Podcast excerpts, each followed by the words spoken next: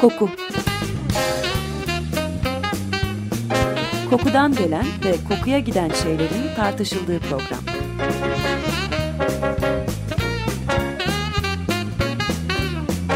Hazırlayan ve sunan Vedat Ozan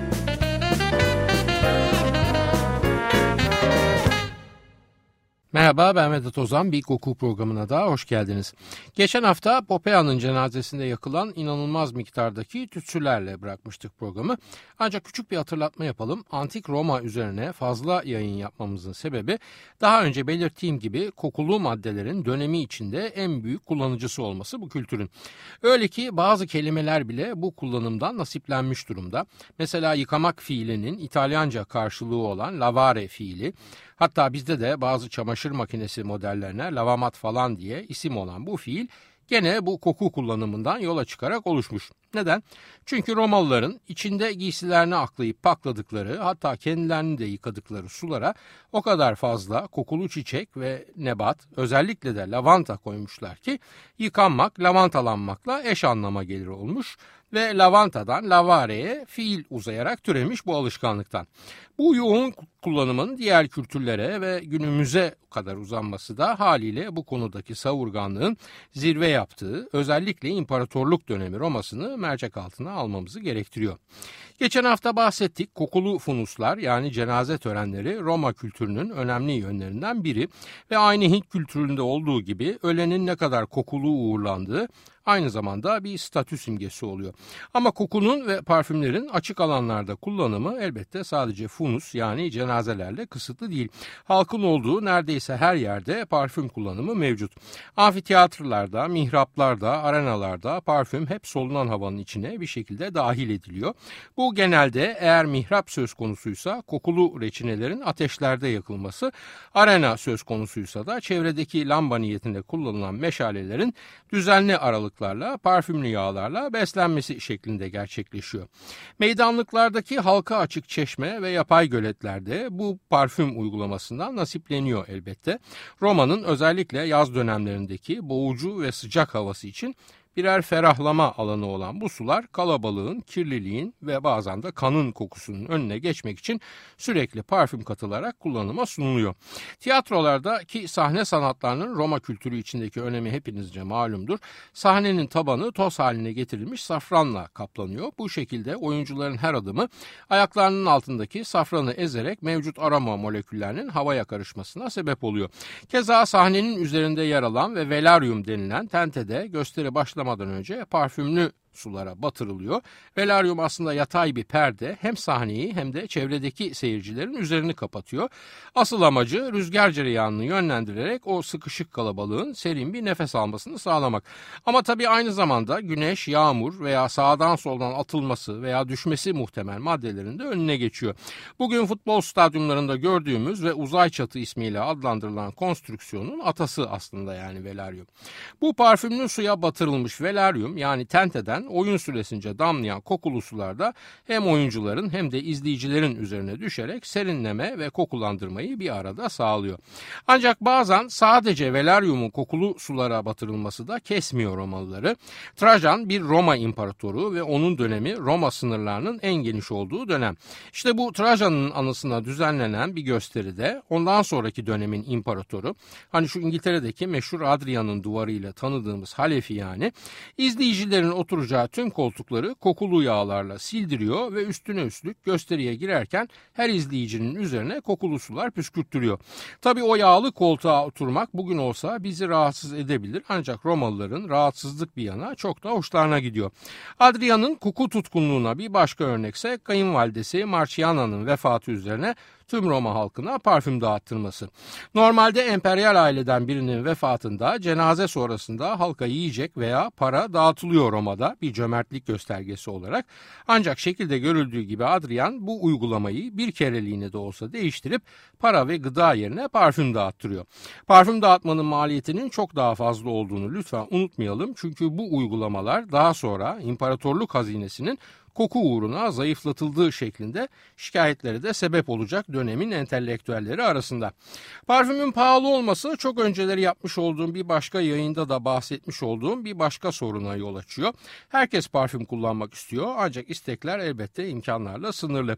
Bu durumda da varlıklı ve asiller özel ve en pahalı malzemeden imal edilmiş parfümleri kullanırken onun altındaki gelir grubu ya ucuz ürünleri ya da bu pahalı ürünlerin ucuz kopyalarını tüketmek zorunda kalıyor. İyi bir parfüm elbette parfümeriden alınır ve varlıklı Romalılar da öyle yapıyorlar. Ungentari denilen parfümcülerin dükkanları bu nedenle dolup taşıyor. Bunların kalabalık olmasındaki sebep sadece parfüm almak değil elbette ve aynı zamanda birer sosyal ortam oluşturuyorlar. Yani bu dükkanlarda parfüm satılıyor ama dedikodu da yapılıyor, hal hatırda soruluyor vesaire vesaire bayağı aktif mekanlar oluyorlar sosyal hayatın içinde. Bir tanıdığınızı yerinde bulamamanız halinde uğranıp bakılması gereken yerlerden biri haline geliyor bu şekilde parfümeri dükkanları. Plautus'un Amfitryon isimli oyununda ki bu oyun bizde de Dormen Tiyatrosu'nda Amfitryon 2000 ismiyle ve modern bir yorumla sahnelenmişti ve hatta Dormen Tiyatrosu'nun da son oyunu olmuştu.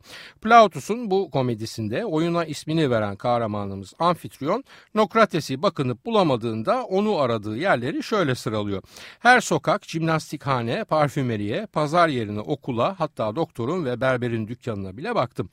İnsanların bir araya gelip dedikodu yaptıkları lafladıkları kafe benzeri yerlerin o zamanlar mevcut olmadığını düşünürsek elbette parfümeri dükkanları da doğal olarak belli gelir grubundan kişilerin bu amaçla kullandıkları bir sosyal mekan veriyor.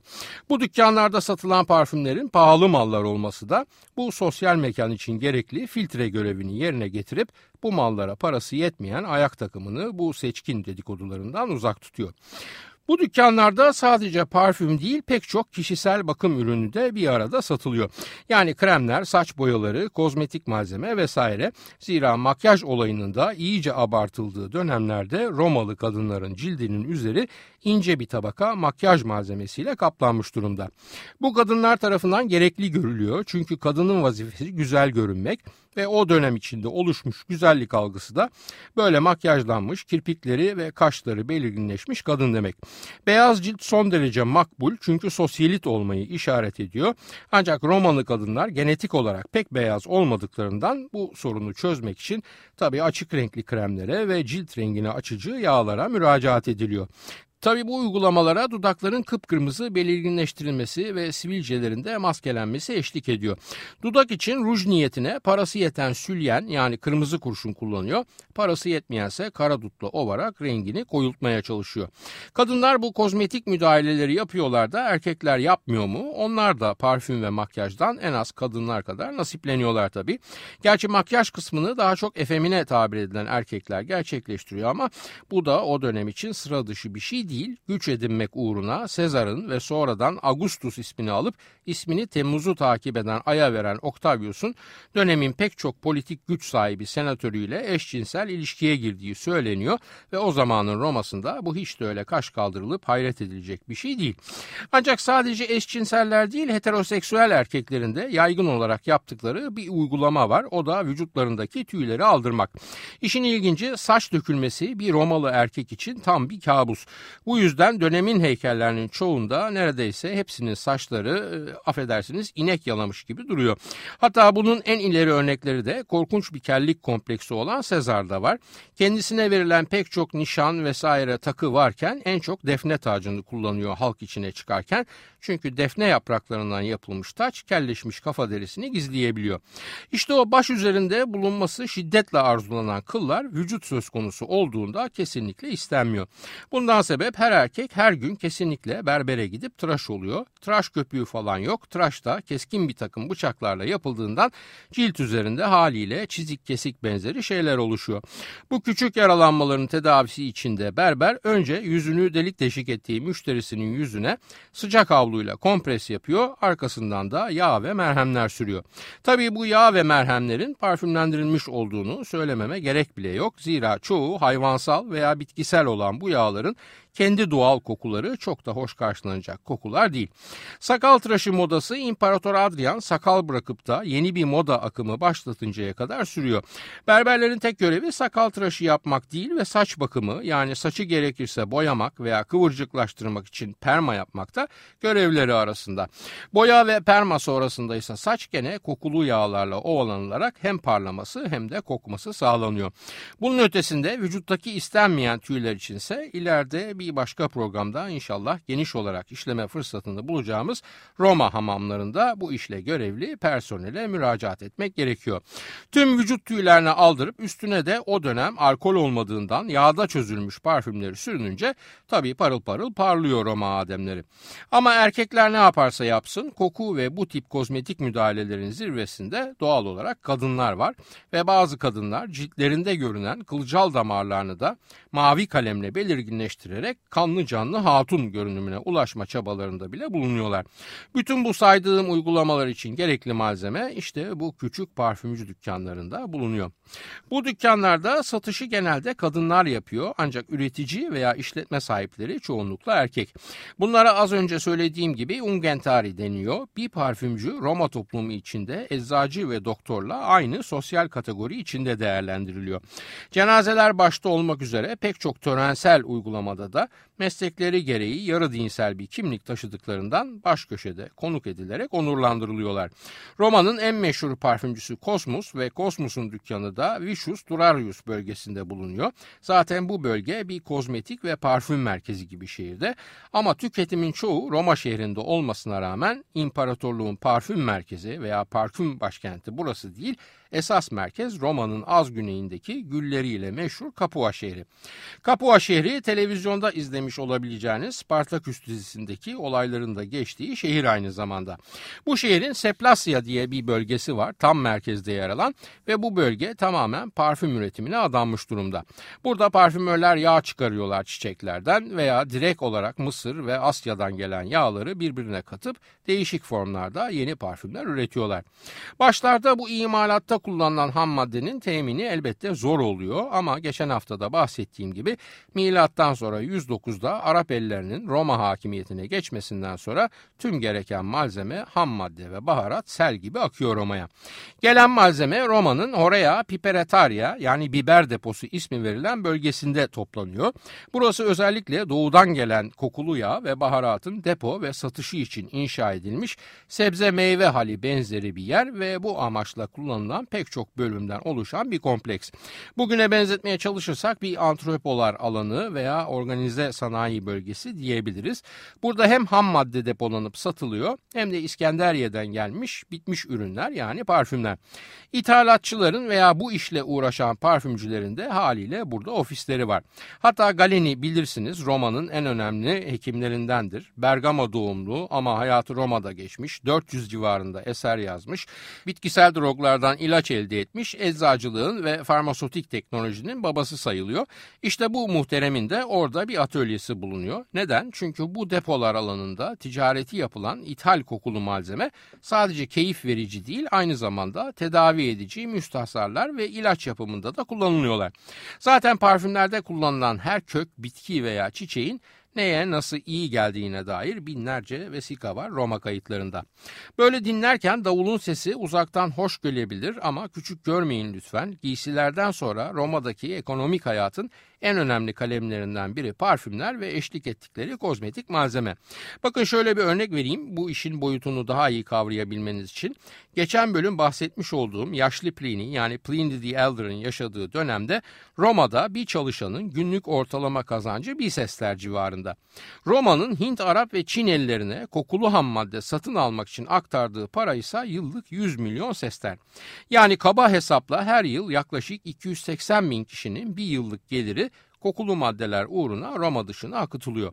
Bundan en büyük payı da Hindistan alıyor. Yılda 55 milyon sesler ihracat yaparak Roma'ya. Tabii bu kadar büyük ve uğruna kan dökülmüş bir servetin güzellik ve hoş kokmak uğruna harcanması tepki çekmiyor ve eleştiri almıyor değil.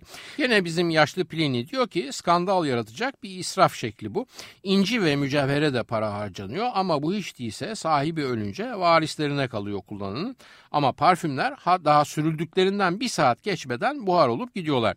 Üstelik sürünen kendi kokusuna kısa sürede alıştığı için bu parfümü hissedemiyor ve sadece yanından geçerken koklayan erkeği etkilemek için kullanılıyor. Bunu sağlayan şişenin fiyatı ise yaklaşık 400 denari ve bu kadar para kendi değil başkası tarafından alınacak bir zevke harcanıyor. Evet Pliny bunları diyor ama biz burada bir şey demeyelim ve bir kahve molası verelim. Sonra devam edelim efendim. Boardwalk Empire dizisinin müziklerinden Vince Giordano ve Nighthawks'tan dinliyoruz. Dark Town Strutter's Ball.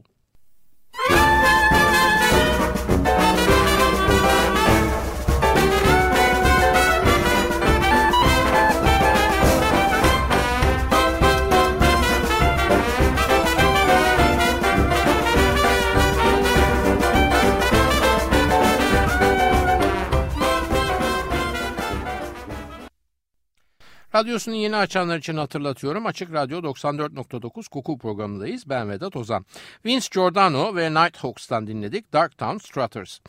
Unutmayın o dönemde alkollü parfüm yok ve bütün parfümler ham zeytinin sıkılmasıyla elde edilen ve içine bazen üzüm suyu da katılan onfasyum isimli kozmetik yağın içinde çözülerek satışa sunuluyorlar. Kullanılan öz yağların doğal bitkisel yağlar olması ve bu yağların da zeytinyağı gibi bir taşıyıcı ortamda sunulması bu tip kokulu sıvıların yiyecek ve içecekler içinde de bol bol yer bulmasına sebep oluyor. Pek çok yemek ve şaraba bu yağlar katılarak aromatik özellik kazandırılıyor. Aslında o dönem parfümörleri tek bir iş yapmıyorlar. Tütsü de hazırlıyorlar, parfüm de kozmetikte. Hazırladıkları geniş ürün yelpazesi içinde yer alan parfümler 3 değişik tipte imal ediliyor. Hedismata denilen ilk grup katı parfümler. Bunlar karışık değil, tekil nota kokuları ve domuz yağına emdirilmiş çiçekler ve dolayısıyla çiçekten yağa transfer olmuş kokulu moleküllerle beraber sürülebilir katı bir merhem halinde satılıyorlar. Stigmata denilen ikinci grupsa sıvı parfümler. Bunlar baharat ve çiçeklerin ham zeytin veya susam gibi bir baz yağ veya reçine ile sabitlenmesinden oluşuyorlar. Bunların içine sıvı olmalarından istifadeyle biraz renk maddesi katılarak albenleri de artırılabiliyor. Üçüncü grupsa toz parfümlerden oluşuyor ve bunlara diapazmata deniyor. Bunlar süsen, mercan köşk, laden gibi malzemenin öğütülerek töz haline getirilmesinden üretiliyor. Daha çok giysi ve kumaşların üzerine serpilip onların kokmasını sağlıyorlar. Bu üç grup içinde en çok tercih edileni ise tahmininizin aksine sıvı parfümler değil katı parfümler. Yani öyle avuca lök lök dök dökmek veya fıs fıs sıkmak pek revaçta değil o dönemlerde. İnsanlar krem gibi sürünmekten hoşlanıyorlar parfümleri. Tabii bu parfümleri üreten parfümörler bütün bu işleri tek başlarına yapmıyorlar ve kendilerine bağlı çalıştırdıkları köleleri var. Kullanılan malzeme ve üretilen ürünler çok pahalı oldukları için bu köleler de laboratuvara her giriş ve çıkışlarında çırılçıplak soyunduruluyorlar. Sonra da iyice üstleri başları aranıyor. Bu soyma ve arama işleminden maksat parfüm atölyesinde kullanılan kullanılan bu pahalı ürünlerden 3-5 kendilerine araklamalarının önüne geçmek elbette.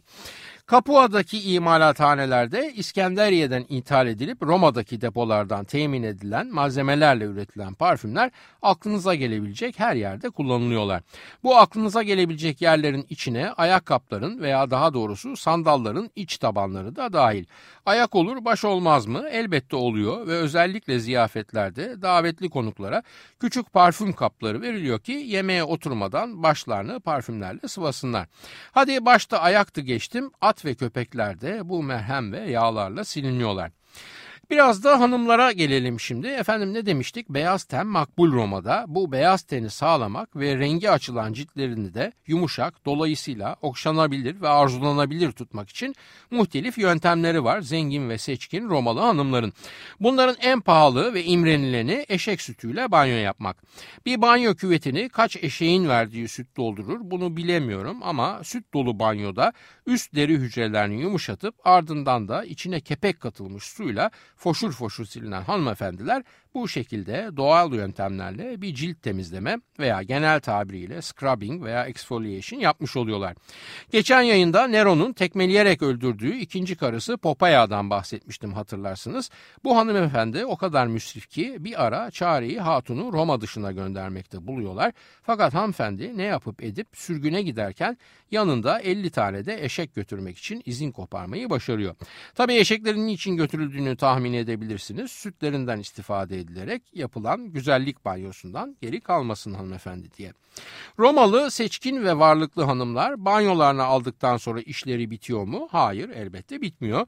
Banyodan çıkan hanımefendi kendini onun kişisel bakımından sorumlu Ornatrix denilen ekibin eline bırakıyor.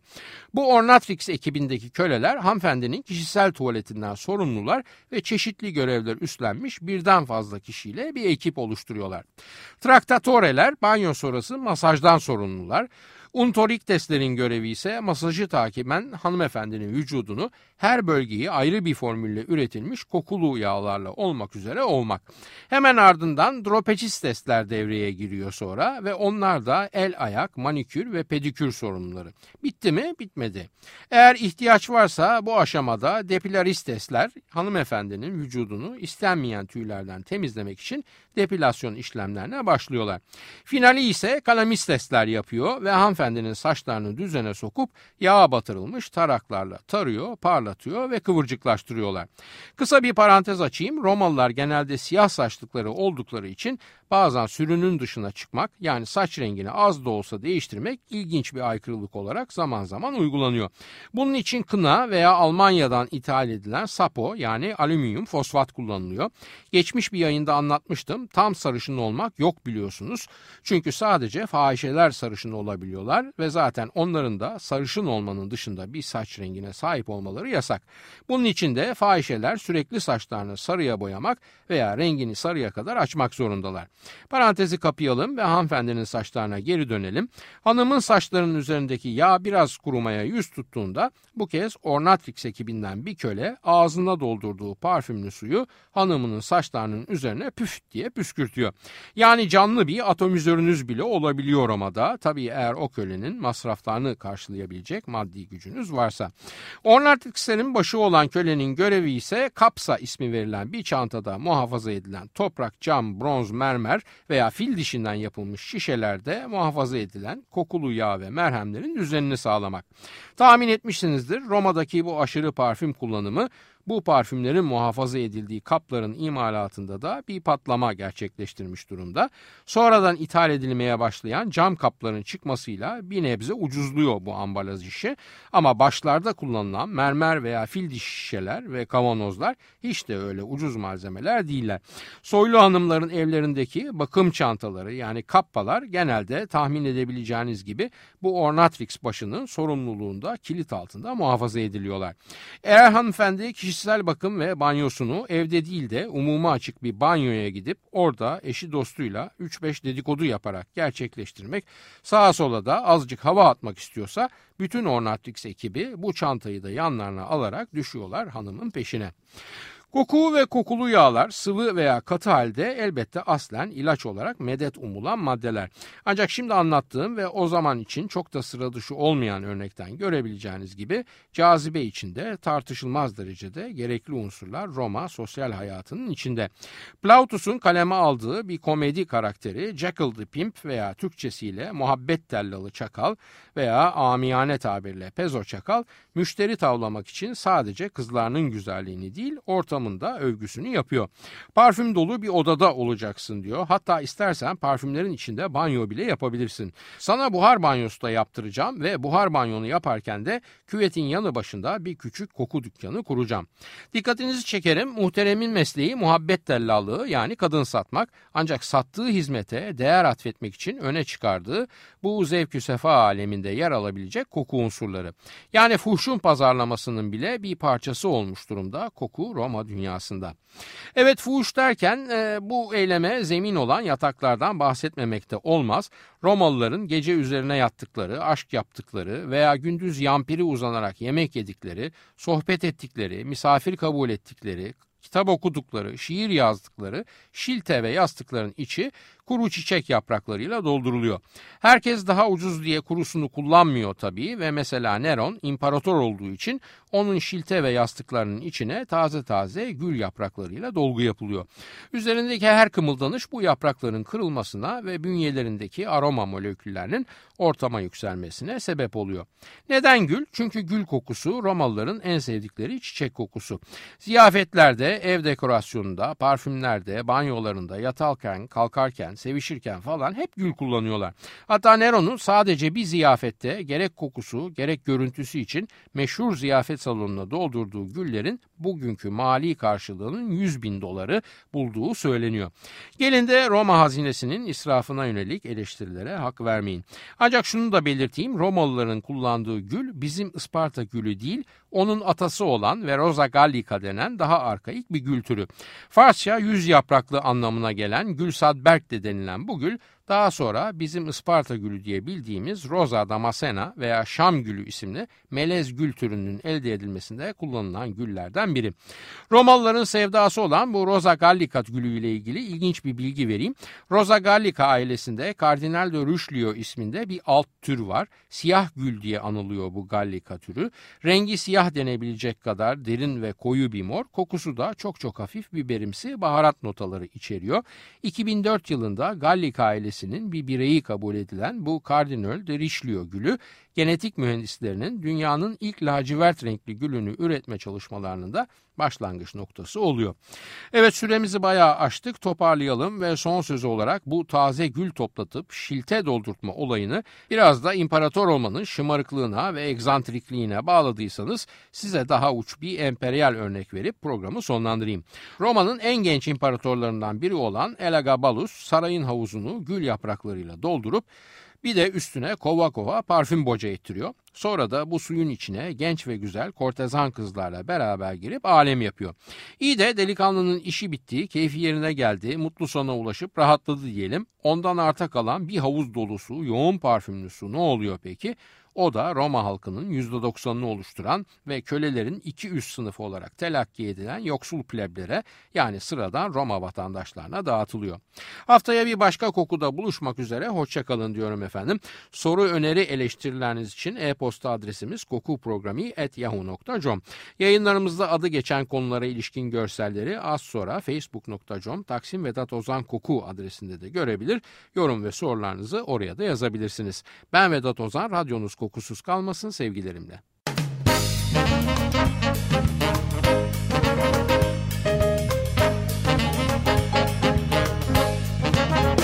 Koku Kokudan gelen ve kokuya giden şeylerin tartışıldığı program.